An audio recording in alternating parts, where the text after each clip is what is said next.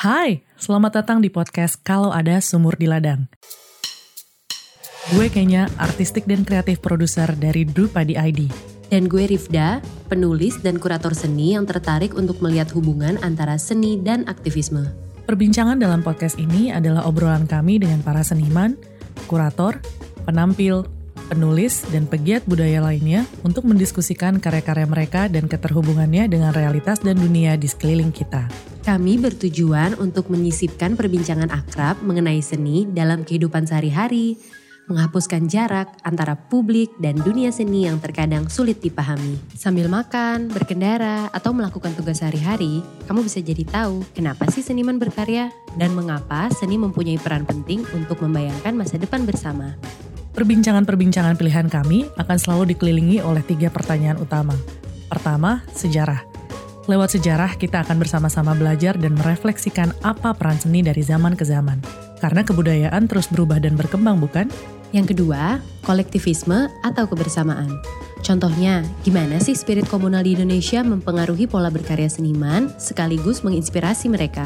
Ketiga, pertanyaan seputar inklusivitas. Seperti bagaimana seni dapat mendukung terbentuknya masyarakat yang inklusif dan mengajak kita semua masuk ke dalam perbincangan-perbincangan penting yang terjadi di dunia sekitar kita. Siapkan cemilan dan cari posisi paling nyaman. Selamat mendengarkan.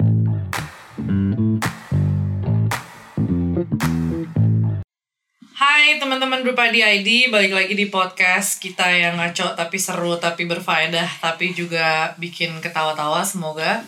Kali ini gue pengen ngobrol sama teman terdekat gue di area London dan sekitarnya. Namanya Mbak Maria. Siapa Mbak Maria dan apa yang dilakukan di sini?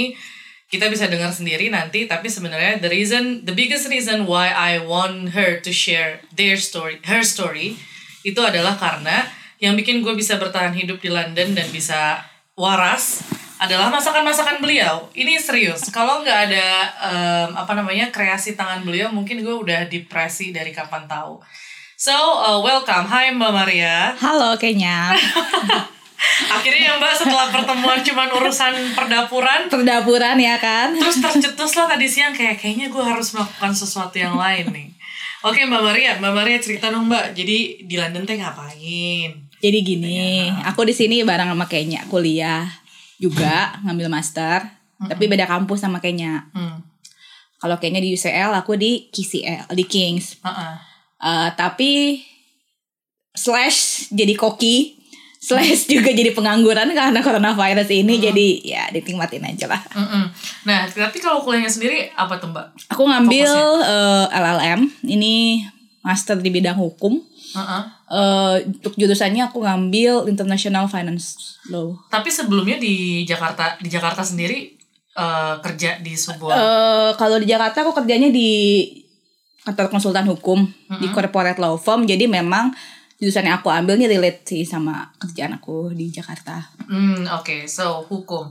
Nah, ini menarik karena kan kalau dari kemarin bahasan Drupadi tuh ngomongin tentang orang-orang kreatif menghadapi pervirusan ini. Sebelum kita menilik lebih dalam tentang permasakan, gue lebih kepo tentang bagaimana orang hukum memandang ini semua. Maksudnya apa yang terjadi ya pandemi ini gitu. eh pastinya ini untuk semua sektor sih kayaknya Iya. sangat amat berpengaruh ya. Kalau untuk in particular buat di hukum, kayak kemarin sih aku punya grup WhatsApp gitu yang Iya. isinya lawyer-lawyer semua. Heeh. Mereka sih pada ribut kayak apakah pandemi ini bisa dikategorikan sebagai force major sehingga kita tidak bisa kayak memberikan eh, prestasi kita dalam suatu perjanjian misalkan memberikan suatu yang harus jadi obligation kita karena ada suatu keadaan memaksa atau force major ini. Iya. Jadi yang lucu adalah jadi biasanya itu di force, di klausula force major di, di perjanjian itu dibilang apabila terjadi misalkan bencana alam, terorisme, huru hara, eh, epidemi segala macam. Nah, terus kemarin yang lucu temanku nanya, "Eh, kalau kalau corona ini bisa dikategorikan sebagai epidemi nggak ya?" Terus kita bilang kayak, "Nyet, bukan cuma epidemi." Beyond. Beyond. Epidemi itu kan apabila satu wabah terjadi di locally di satu wilayah. Iya. Nah, ini kita namanya aja WHO udah declare ini sebagai pandemi which is globally kayak it's not even epidemi ini udah beyond pandemi. Jadi oh, I see. jadi kalau dari hukum sih ini bisa dijadikan dasar untuk kita bilang oh ini kita nggak bisa fulfill obligation kita karena ini force major gitu Oh, oke. ya Nah, tadi tuh Mbak Maria sebelum kita record ini sempat mention tentang bagaimana apa yang terjadi terus mengubah cara pandang Mbak terhadap tugas-tugas. Boleh Jadi- cerita nggak? Jadi apa tuh yang berubah? Jadi contohnya adalah kebetulan banget aku di kuliah di sini ngambil banking law. Terus tugas esai gua untuk sebagai exam gua adalah eh, menurut kalian apa yang menjadi tantangan terbesar di dunia perbankan di saat ini? Ya. Sebelumnya kan gue mikir ini kan tugas kayak dikasih kayak dua bulan yang lalu gitulah sebelum Iya, iya. ini semua happen gitu ya. Gue pikir oh tantangan bagi bank oh mungkin satu banyaknya sekarang fintech lending di mana orang-orang sekarang udah nggak lagi pinjam ke bank tapi pinjam ke fintech gitu kan Iya, P2P, iya. Ah. peer to peer atau gimana atau mungkin cyber security karena sekarang teknologi makin berkembang. Atau mungkin apalah hal-hal seperti itu. Cuma setelah adanya corona ini gue jadi berpikir wah ini sih disruption yang sangat besar banget untuk market ya untuk untuk banking juga. Maksudnya ya mungkin sekarang orang-orang either dia pada ngambilin dananya dari dari deposit dari tabungannya mereka karena dia takut bencana kan Iya, mungkin iya. banget ya sekarang orang rush gitu.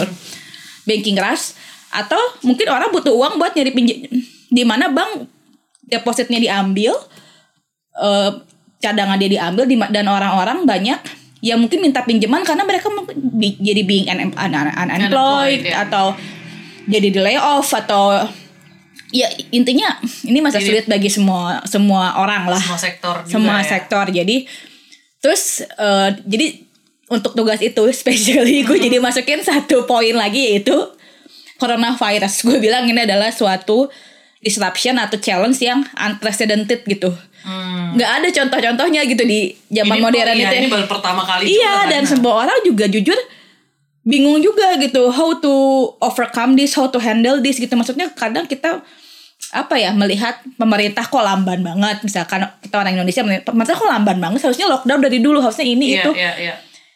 cuy ini tuh unprecedented kayak mereka pun juga nggak Iya. ada contohnya dan bukan cuma di Indonesia doang di sini juga di UK juga sama di US juga sama kan semua Iya. orang tuh bingung gitu nggak ada guideline-nya what should I do and in this kind of circumstances tuh mesti gimana gitu nggak ada Iya sih, maksudnya ya apalagi kalau dunia kreatif udah lah ya kelar. Maksudnya kita tuh bukan sektor yang bersentuhan langsung dengan kesehatan say, Dengan- iya. Tapi tetap aja ngaruhnya tetap ada gitu. Mm-mm. mungkin apalagi dunia kreatif kan bukan kebutuhan primer ya Iya. itu kan tersier jadi kayak sekarang orang tuh lebih mikir untuk how to survive gitu untuk gimana bertahan Iya, hidup gitu kan Nah, Mbak sendiri lo sendiri gimana Mbak bertahan hidup? Nah, kita masuk nih ke arah yang lebih um, I'm not saying that is easy, tapi ini krusial, esensial menurut kita untuk Iya bisa iya bertahan. hidup.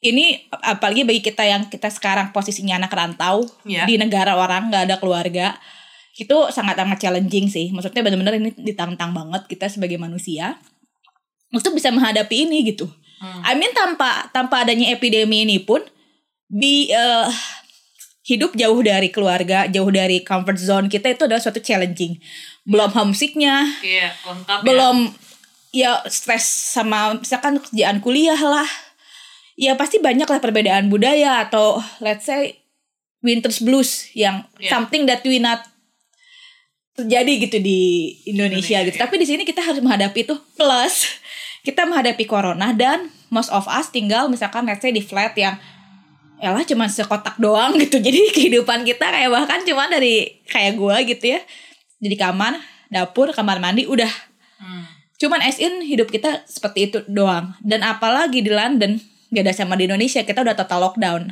Hmm. Kita kita cuma bisa keluar hanya untuk grocery, jogging sekali ha- sehari sama kalau ada eh, medical emergency which is kalau ketahuan di luar tiga itu kita bisa didenda atau ada sanksi yang tegas lah apabila melanggar gitu ya.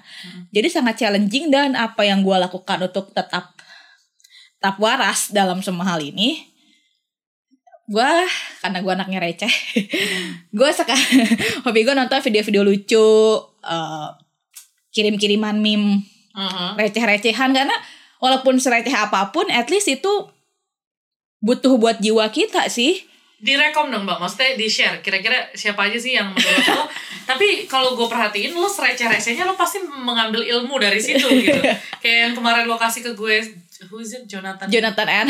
Jonathan mungkin ada yang udah udah follow cuman gue baru dikasih tahu sama Mbak Maria tentang sosok itu dan bagaimana dia infoin perspektif Korea drama eh, dari dari cara yang lain lagi gitu ya. Iya. Eh iya gue follow sih gue banyak kan dari Instagram. Gue follow Jonathan N tuh, terus Tommy Prabowo yang gue rekomend juga ke Kanya. Ke kayaknya terus banyak bahkan teman kuliah gue sampai bikin suatu grup baru namanya The Leftover. Karena karena pen- karena eh, corona ini banyak dari teman-teman kita yang memutuskan pulang ke negaranya masing-masing. Iya betul. Dan sebagai orang yang tertinggal di London, kita bikin kita bikin grup yang isinya cuman kirim-kiriman video lucu, kirim-kiriman meme, humor-humor karena we all need that gitu. Maksudnya di tengah pandemi ini kita memang butuh suatu pegangan bahwa hey, everything is gonna be alright. Jadi masih ada sesuatu yang still the same gitu. Maksudnya masih ada sesuatu Yeah. yang bisa kita ketawain dan satu lagi nih tantangan yang menurut gua terjadi sama kita yang lagi sekolah dan gak terjadi sama yang stay di Jakarta atau Yeah. di Indonesia adalah ini sih menurutku kayak kita di sini lagi sekolah satu tahun satu atau dua tahun lah programnya dan kita di sini punya waktu yang limited untuk bisa gain everything ketika kita berada di sini eh tiba-tiba di tengah-tengah corona nih kita lagi asik-asiknya misalkan eh, belajar atau liburan atau main sama teman-teman. Eh tiba-tiba kayak kayak di tengah pesta tiba-tiba lu berhenti disuruh berhenti aja udah gitu. Kebayang gak sih kayak berapa kagetnya kita yang loh kok tiba-tiba gini? gitu. Yang ini Iya. supposed to be kita tuh lagi have fun loh. Kita tuh lagi one year off dari kerjaan kita kok tiba-tiba udah berhenti aja. Dan yang paling bikin sedih adalah ada teman-teman kita ber- dari berbagai negara Iya. banyak yang memutuskan pulang dan kita even gak bisa ngasih proper goodbye.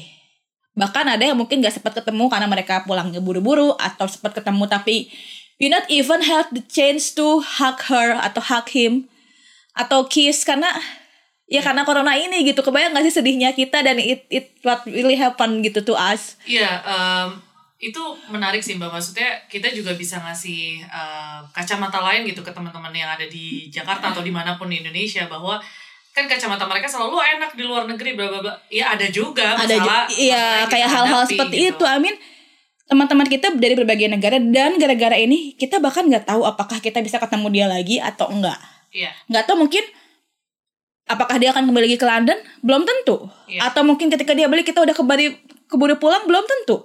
Iya. dan sedangkan kita pun ada pasti eh, rasa homesick at least pengen menghadapi periode challenging ini dengan keluarga kita at least kalau kita tinggal di rumah kan let's say masih ada orang tua atau masih ada pasangan masih ada adik kakak tapi kita sekarang harus sendiri gitu.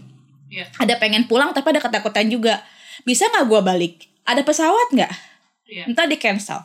Kalau perlu transit negara yang kita transitin mau nerima kita nggak ntar kita Iya. nggak bisa pindah pesawat itu kan Dan dengan baik- kenyataan, kalaupun kita mau pulang 17 atau 20 jam ya rata-rata, bisa jadi kan kita carrier. Maksudnya kita nggak Iya. tahu bertemu dengan siapa pun. kita gitu kan. nggak tahu bertemu dengan siapa pun mungkin kita malah eh, membawa virus itu dan malah menularkan ke keluarga kita Iya, itu kayak saat cuma itu cuma satu dari banyak kekhawatiran di sini dan mengingat kita tinggal di UK which is itu udah tujuh terbesar ya dan setiap hari gua tuh liatin yang statistik corona itu yang world ometer, ometer itu hari ini aja udah 500 orang yang meninggal di UK kebayang gak sih? Kayak di- itulah stres itulah kita. Cuman menurut gua dalam kondisi seperti ini kita Gua sambil nyender ya, ya, Oh, uh, dalam kondisi seperti ini memang ada baiknya kita waspada kita harus siap untuk segala macam kemungkinan cuman Betul. juga kita harus bisa mentrain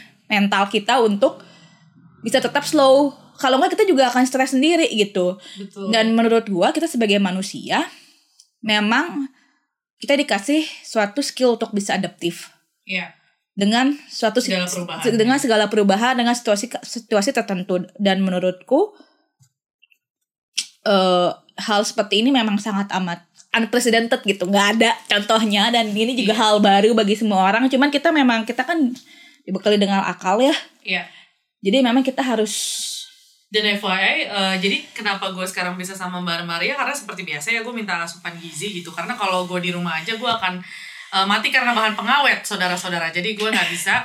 Dan pas selama di dapur kita juga ngomongin ya bahwa kita tuh hidup baru sekarang gitu. Kayak kayak baru kagak ada latihan kagak ada apa-apa tiba-tiba ujian tiba-tiba gitu kan. ujian iya terus juga Mbak Maria juga mention bahwa dengan adanya kejadian ini kita tuh jadi reflect back bahwa we're just a speck of dust gitu kayak ya bukan senternya tuh bukan di kita ya gitu Iya, memang apa ya?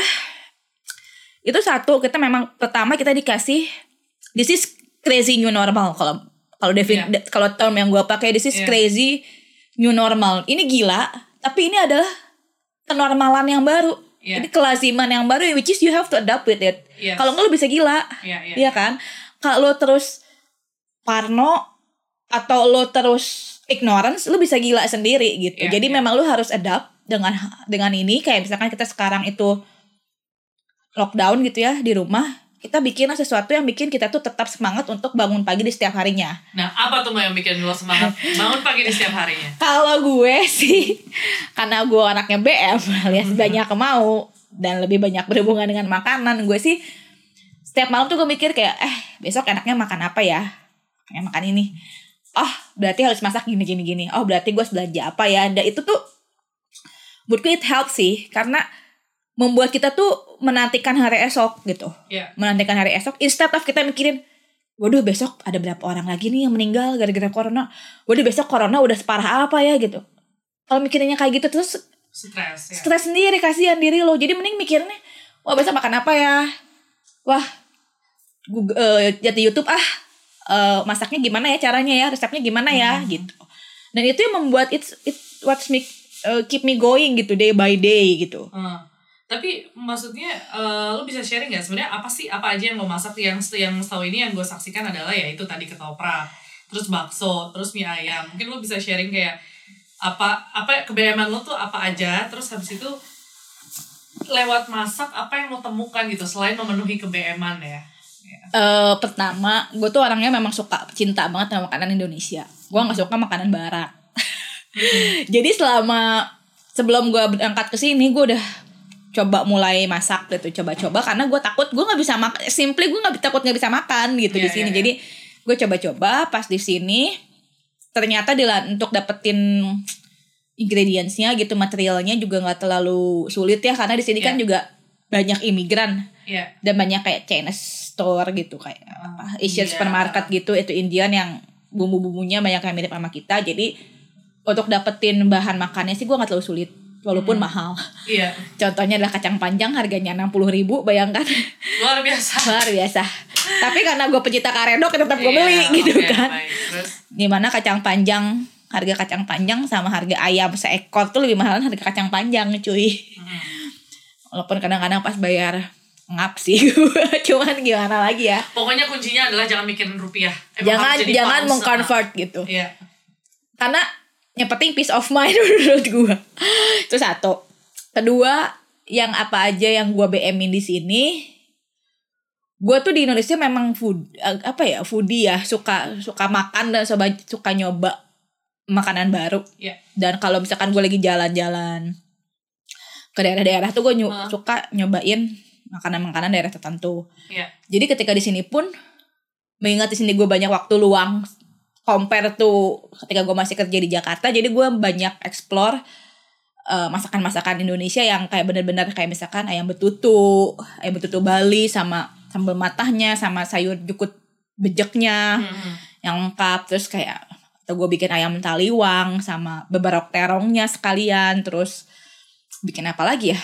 Kayak karena gue dari Sun dari Bandung jadi kalau makanan Sunda sih udah kayak cup Udah of tea ya. udah hatam cup of tea kayak eh sayur asem lah Iya. pet- eh, lalapan karedok sambal terasi gitu-gitu sih udah itu nasi padang nasi padang dari mulai rendangnya ini kayaknya pernah nyobain kan Iya iya pernah. Oh, Oh. nasi padang luar biasa saudara-saudara. nangka sama ini karena dan di sini pun yang gue belajar adalah ketika gue di Jakarta karena di sana makanan mudah murah dan accessible jadi gue nggak pernah mikir kayak ah tinggal beli aja Kan Iya. juga murah dan banyak gitu dan gue dan gue selalu mikir kayak ih gila bikin rendang susah amat ya gitu Iya, atau iya. bikin Effort banget. atau gitu. bikin sate ayam gitu kayak kayaknya ini not meant to be dibikin sama orang yang rumahan deh kayaknya itu memang kayak Iya. barang jualan aja gitu Iya, loh iya. tapi setelah di sini yang gue pelajarin adalah ya walaupun itu nggak typically dibikin sama rumahan cuman ketika lu mau tuh abang-abangnya juga bikin dari scratch juga kan lu Iya. kalau niat lu pasti bisa bikin itu Hmm. makanya di sini gue punya moto baru kayak quotes to live by when you can dream it you can BM it banyak mauin you can make it gitu Iya, jadi kayak benar-benar. itulah yang membuat tuh kayak ya karena di sini kalau nggak lu bikin ya udah lu cuma bisa nelan ludah ludah doang jadi kalau Iya, lu nggak iya. Kepengen dan lu itu memang lu harus bikin. Jadi itu pun menurut gue pelajaran hidup juga ya kayak Ah, setuju setuju. ketika lu mau ya lu bisa. Lu Iya. bisa bikin itu kok gitu. Ya, dan gue sangat eh, di titik ini tuh gue sangat appreciate sama orang-orang yang ya, yang prosumen mbak. Prosumen produk what is it? Like produk produk produsen tapi Eh. juga konsumen gitu. Maksudnya jadi setelah kita biasanya kan kita nonton video nonton apa gitu lihat iklan. kita user aja gitu ya. Kita kan cuma pengen mesen gitu kan tapi Iya. kan lo create nih. Makanya tadi lo Iya. bilang kayak itu ada memasak adalah hal yang lo cintai karena lo create sesuatu ya Iya, kan? ketimbang nyapu lo tadi lo bilang. Iya, tadi sebelum di- sebelum ini direkam, kayaknya nanya, Mbak, kenapa sih lu suka masak? Karena menurut gua masak itu kalau dibandingkan dengan ada domestic things ya, kayak menyapu, mengepel, kalau nyapu ya udah nyapu gitu, nggak ada hasilnya. Ngepel ya udah, nggak tiba-tiba muncul ubin baru kan gitu kayak atau nyetrika tiba-tiba lo nggak muncul baju baru enggak kan. Nah, sedangkan kalau masak itu menurut gua walaupun ribet ya prosesnya dari mulai lo belanja, lo potongin bahan-bahan, lu cuci, lu masaknya yang bisa berjam-jam, lu nyuci piring panjang, cuman you creating something gitu dari nol.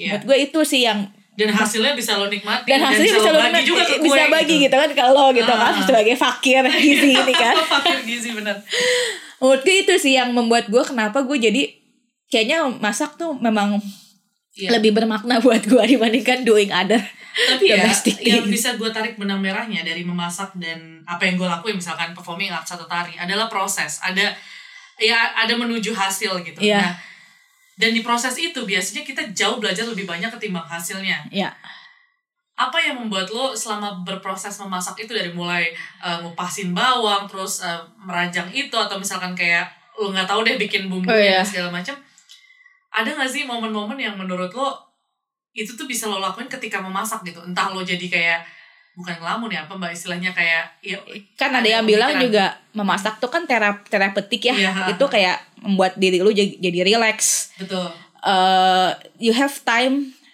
dan memasak bagi gue adalah my me time juga gitu. iya iya Di mana lu bisa konsen, menumpahkan konsentrasi lu to creating something. iya Dan at the end ketika misalkan itu udah jadi, lu bisa proud kayak eh ternyata gue bisa bikin rendang juga ya yang gue nggak nyangka gue bisa loh gitu. Maksudnya ketika gue di Jakarta, gue nggak nyangka sih gue bisa bikin rendang dari nol, dari scratch gitu. iya gue pun nggak percaya mbak ketika mau makan ya kan Jebol banget padahal udah terlalu nikmatin Sampai nambah ya kan.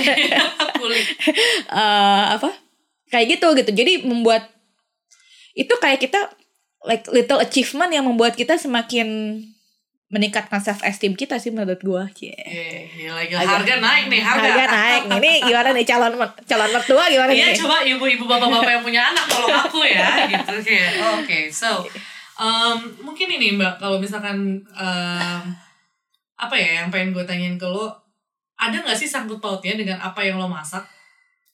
Ini ini ini agak jauh sih cuman kayak ini kan Indonesia terus kuliner terus kecintaan itu tumbuh terus gitu maksudnya gue nggak bilang nasionalis ya tapi kan pasti lo jadi ngerasa Iya. ngehargain roots lo nggak sih? Kayak ya dengan kuliner gitu kayak gue dari asalnya dari sini gue semakin tahu bumbu yang kita pakai tuh kaya dan beragam.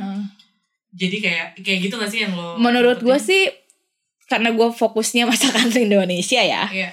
dibandingkan dengan kalau gua ngelihat teman gua bikin masakan Italian misalkan iya.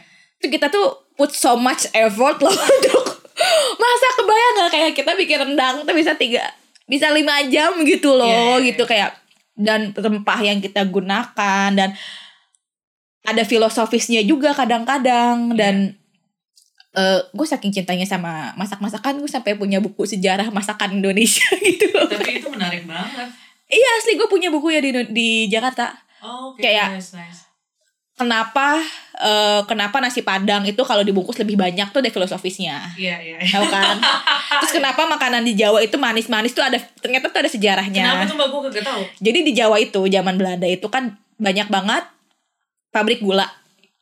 Oh, Banyak banget pabrik gula kan, coba kalau lihat, banyak ada banget. madu tuh ada tuh. Kalau mad- co- colo madu, Ah. ada gempol, ada karang sembung gitu-gitu Iya, banyak kan, majalengka segala macam.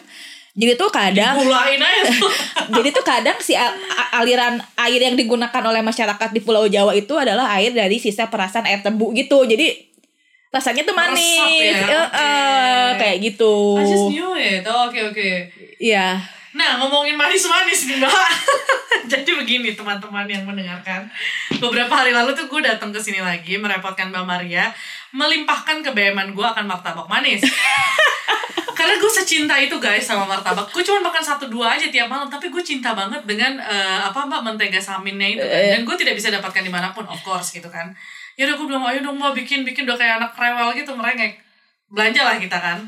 Terus bikin bikin bikin das. Jadi apa mbak? Makanan. Makanya ini gue gak berani ngomong. Ini kayak harus disensor makanan. Bip. Enggak pak, gue mah santai podcast. Itu tuh kayak lo tau makanan anjing aja lebih indah daripada apa yang kita bikin. Jadi rencana emang kalau orang niatnya udah sombong dan jelek tuh pasti ada aja jalan yang jatuhin ya. Karena di benak gue adalah gue pengen pameran ini di story gue. Finally gue bisa memasak atau membuat sesuatu yang gue pengen gitu martabak manis. Eh taunya gagal saudara-saudara. Karena satu dan lain hal. Tapi menyikapi kegagalan, gue yakin Mbak Maria tuh pasti used to with all this failness. Ada gak sih bahasa Inggris failness? Ya pokoknya Failure kali. Oh goblok Cuy.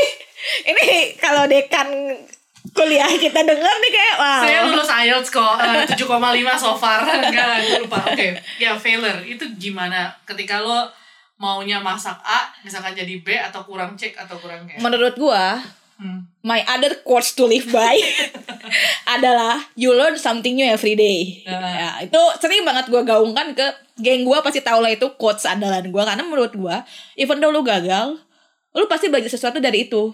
Dan once lu gagal, lu pasti nggak akan kalau lu gak bego-bego amat ya, lu pasti karena tahu lu di situ gagal, lu pasti tidak akan melakukan ke, ke- ke- itu yang sama Iya betul gitu. Setuju, setuju Jadi kayak kuncinya bukan di gagal ya Kuncinya adalah lo tahu nggak apa penyebab Apa penyebab dan what you can gain from that experience gitu. Oke. Ini sebelum kita bleber ke mana-mana nih, jadi curhatan-curhatan agak kurang penting. gue cuma Emang pengen... kita pernah penting ya. itu dia nggak pernah makanya kita bikin kayak gini ya Allah. gue pengen kayak mungkin lo bisa share apa ya yang kita bisa bagi kan sekarang ini cuma menularkan kebaikan ya. Kebaikan as in mengajak teman-teman untuk ya udah yang kita punya adalah doa, harapan dan usaha gitu untuk membantu orang-orang yang mungkin di garda depan jauh lebih apa ya jauh lebih uh, Challenging daripada kita ya. daripada kita yang cuma hahaha doang gitu tapi it's gonna be like useful and interesting if you can also uh, what is it like share your thoughts about hopes and and and the It's thing that- related with coronavirus atau in general? in general but I think it's mostly about the thing that we're facing right now kayak ya udah situasi sekarang ini gitu Itu sih menurutku yang penting adalah being adaptive. Karena lemesin say gitu gak sih kayak Hmm. gimana ya? Itu yang gue bilang. Lu kalau mau ignorant juga lu nggak bisa karena it's real the shit is really happen gitu. The shit is getting real. Hmm. Ignorance juga kayak cek aja lah gue nggak apa-apa kok I have immune system atau bismillah aja lah juga nggak bisa. Tapi lo kalau terlalu parno juga itu tidak baik bagi kesehatan mental kalian ya Iya. adik-adik. Jadi menurutku sih yang penting gimana lu bisa adaptable, bisa adaptif dengan keadaan yang seperti ini. Iya. Karena yang gue bilang, at least untuk umuran kita ya, kita kan tidak pernah mengalami masa perang atau masa wabah epidemi zaman flu Spanyol lah atau flu apa gitu, enggak kan, enggak pernah. Iya, iya. Ini adalah hal baru bagi kita ya udah ini adalah suatu proses pembelajaran. Ya mau nggak mau harus kita lewatin gitu Iya. dan lu harus adap adaptif yang misalkan tadinya kita itu pagi-pagi bangun mandi sarapan berangkat ke kantor makan siang hahehe sama temen kita pulang nongkrong nongkrong sekarang kan at least gue berharap sih nggak Iya. nggak dalam waktu panjang ya misalnya gue berharap ini akan segera berakhir semua lockdown dan social distancing ini cuman Iya. sekarang kita memang harus adaptif bahwa hal itu udah tidak bisa dilakukan atau bisa dikurangi jadi ya udah kita manusia Nurut, itu kan iya. ya manusia itu kan kreatif ya Iya. kita pasti bisa lah Iya. Manusia itu kan punya skill untuk adaptif gitu maksud Iya. gua eh, apa ya Kerahkan aja ya. supaya- Iya, karena kita tuh bisa adaptable of in every situation gitu. Yang penting gimana kita bisa band with the situation, gimana kita bisa Iya. ikut Setuju. dengan kalau kita keras tuh nggak bisa gitu. Lo Iya, harus ad- adaptif dan lo harus bisa menerima perubahan. Iya. Dan lo harus open mind Iya. dan jangan selfish. Nice. Mungkin kalau gue bisa tambahin juga kesadaran bahwa um, you have to respect anyone around you. And Yeah. you know, like uh, finally in this kind of situation when we are just sitting and then reflect to ourselves, we finally realize that what we actually have just beberapa orang gitu. Kita nggak punya semuanya gitu. Atau at, even in in in, in an extreme extreme point, kita hanya bisa rely on ourselves. Luar biasa, saudara-saudara. Iya, karena maksudnya- dicatat. Iya, karena kita apalagi at least buat gue ya, gue ngerasain gue tinggal di sini sendiri tanpa ada saudara, teman ada, cuman kan juga Iya. kita semua terbatas karena social distancing dan segala macam. Jadi kita hanya bisa rely to ourselves gitu. Gimana Iya. kita harus bersahabat dengan diri kita sendiri gitu. Right. Menurutku. So fucking right. Karena menurutku gimana ya kadang tuh manusia tuh kadang ini kok jadi panjang jadi dalam banget ya. Iya. kadang tuh dia nggak bisa menerima dirinya apa adanya. Iya. Karena failure lah. Karena failed. karena failure, karena kekurangan atau merasa tidak mampu, merasa tidak pantas. Lu cuma punya badan lu doang cuy buat lu tinggalin gitu. Ya Iya. udah accept with it and just live with it gitu. Jadi Right. lu harus berdamai sama diri lu sendiri.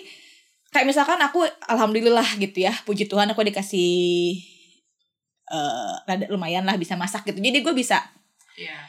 bisa create itu untuk terapeutik gue gitu. Misalnya ada orang yang bisa ngegambar, Betul, betul. ada orang yang bisa bernyanyi atau apa. Jadi ya udahlah gunakanlah semua skill itu untuk lu bisa bertahan dalam kondisi seperti ini. Betul.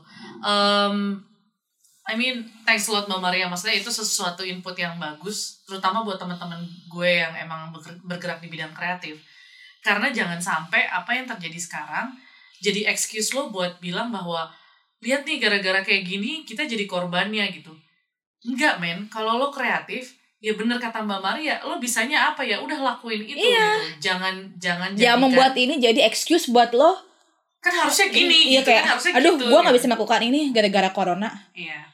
Aduh nggak bisa nih gue gara-gara corona. Ya kan lu juga dikasih akal budi ya sama Tuhan Iya. ya. Kayak lu pasti bisa gitu. Apa kek performance lu dibikin online kek Iya. atau apa kek gitu nggak tahu Iya, gitu iya, direkam right. terus lu didistribute Atau online podcast ini udah. atau podcast ini ya kan Maksudnya gitu Anyway, sih iya. iya karena manusia itu balik lagi manusia dikasih akal nggak ada Tuhan pasti punya alasan dong Jangan kenapa kita dikasih ya. alat iya jangan malas tetap kreatif ya udah karena gue yakin setiap orang pasti punya kemampuan beda-beda Iya. gue sama sekali nggak bisa gambar gue sama sekali art skill gue zonk ya jadi gue sih tahu diri ya gue nggak mungkin tiba-tiba bikin podcast nyanyi gitu kan atau Hmm. podcast gambar gitu kan nggak mungkin jadi ya udah do what you can do ya udahlah being adaptive Thanks banget Mbak Maria. I mean, um, ini ini sebuah apa ya? Sebuah kepercayaan gue sih untuk bisa belajar dari siapa pun dan dari um, apa ya background atau hobi apa pun. Karena balik lagi yang paling penting adalah upayakan apa yang kita create atau apa yang kita kerjakan memang poinnya adalah untuk mengenal diri lo lebih dalam, tahu lo dari mana, tahu lo siapa. Mungkin dari situ kita akan bisa mencintai diri kita lebih dalam lagi. iya karena lu nggak punya lagi siapa-siapa selain diri lu Mbak Maria thanks berat. Sama-sama. Semoga em, seperti biasa kita kan tidak bisa memberikan sesuatu yang terlalu banjir ya. Biasanya para pendengar ini udah agak mesti nyapu, mesti apa gitu. Iya. Tapi anyway, this is a really good thing to to hear and to witness. Semoga bermanfaat buat teman-teman yang di mana pun berada. Dan em, ini juga sebagai suara dari jauh bahwa perantau-perantau di luar negeri juga punya suka dukanya masing-masing saya percaya teman-teman di Indonesia juga uh, punya usaha dan punya perjuangannya juga yang Hmm. mesti kalian hadapi. So, um, stay safe, uh, stay sane, dan jangan lupa cuci tangan. Makasih Mbak Maria, makasih teman-teman. Bye-bye. Thank you udah dengerin. Bye. Hai, terima kasih sudah mendengarkan podcast Kalau Ada Sumur di Ladang. Jika ada saran dan pertanyaan, silakan hubungi kami di Instagram at drupadiid atau email kami di kontak.drupadi at gmail.com. Sampai jumpa lagi di podcast Kalau Ada Sumur di Ladang. Boleh kita menumpang mandi. Kalau ada umurku yang panjang, Boleh kita berjumpa lagi. bye!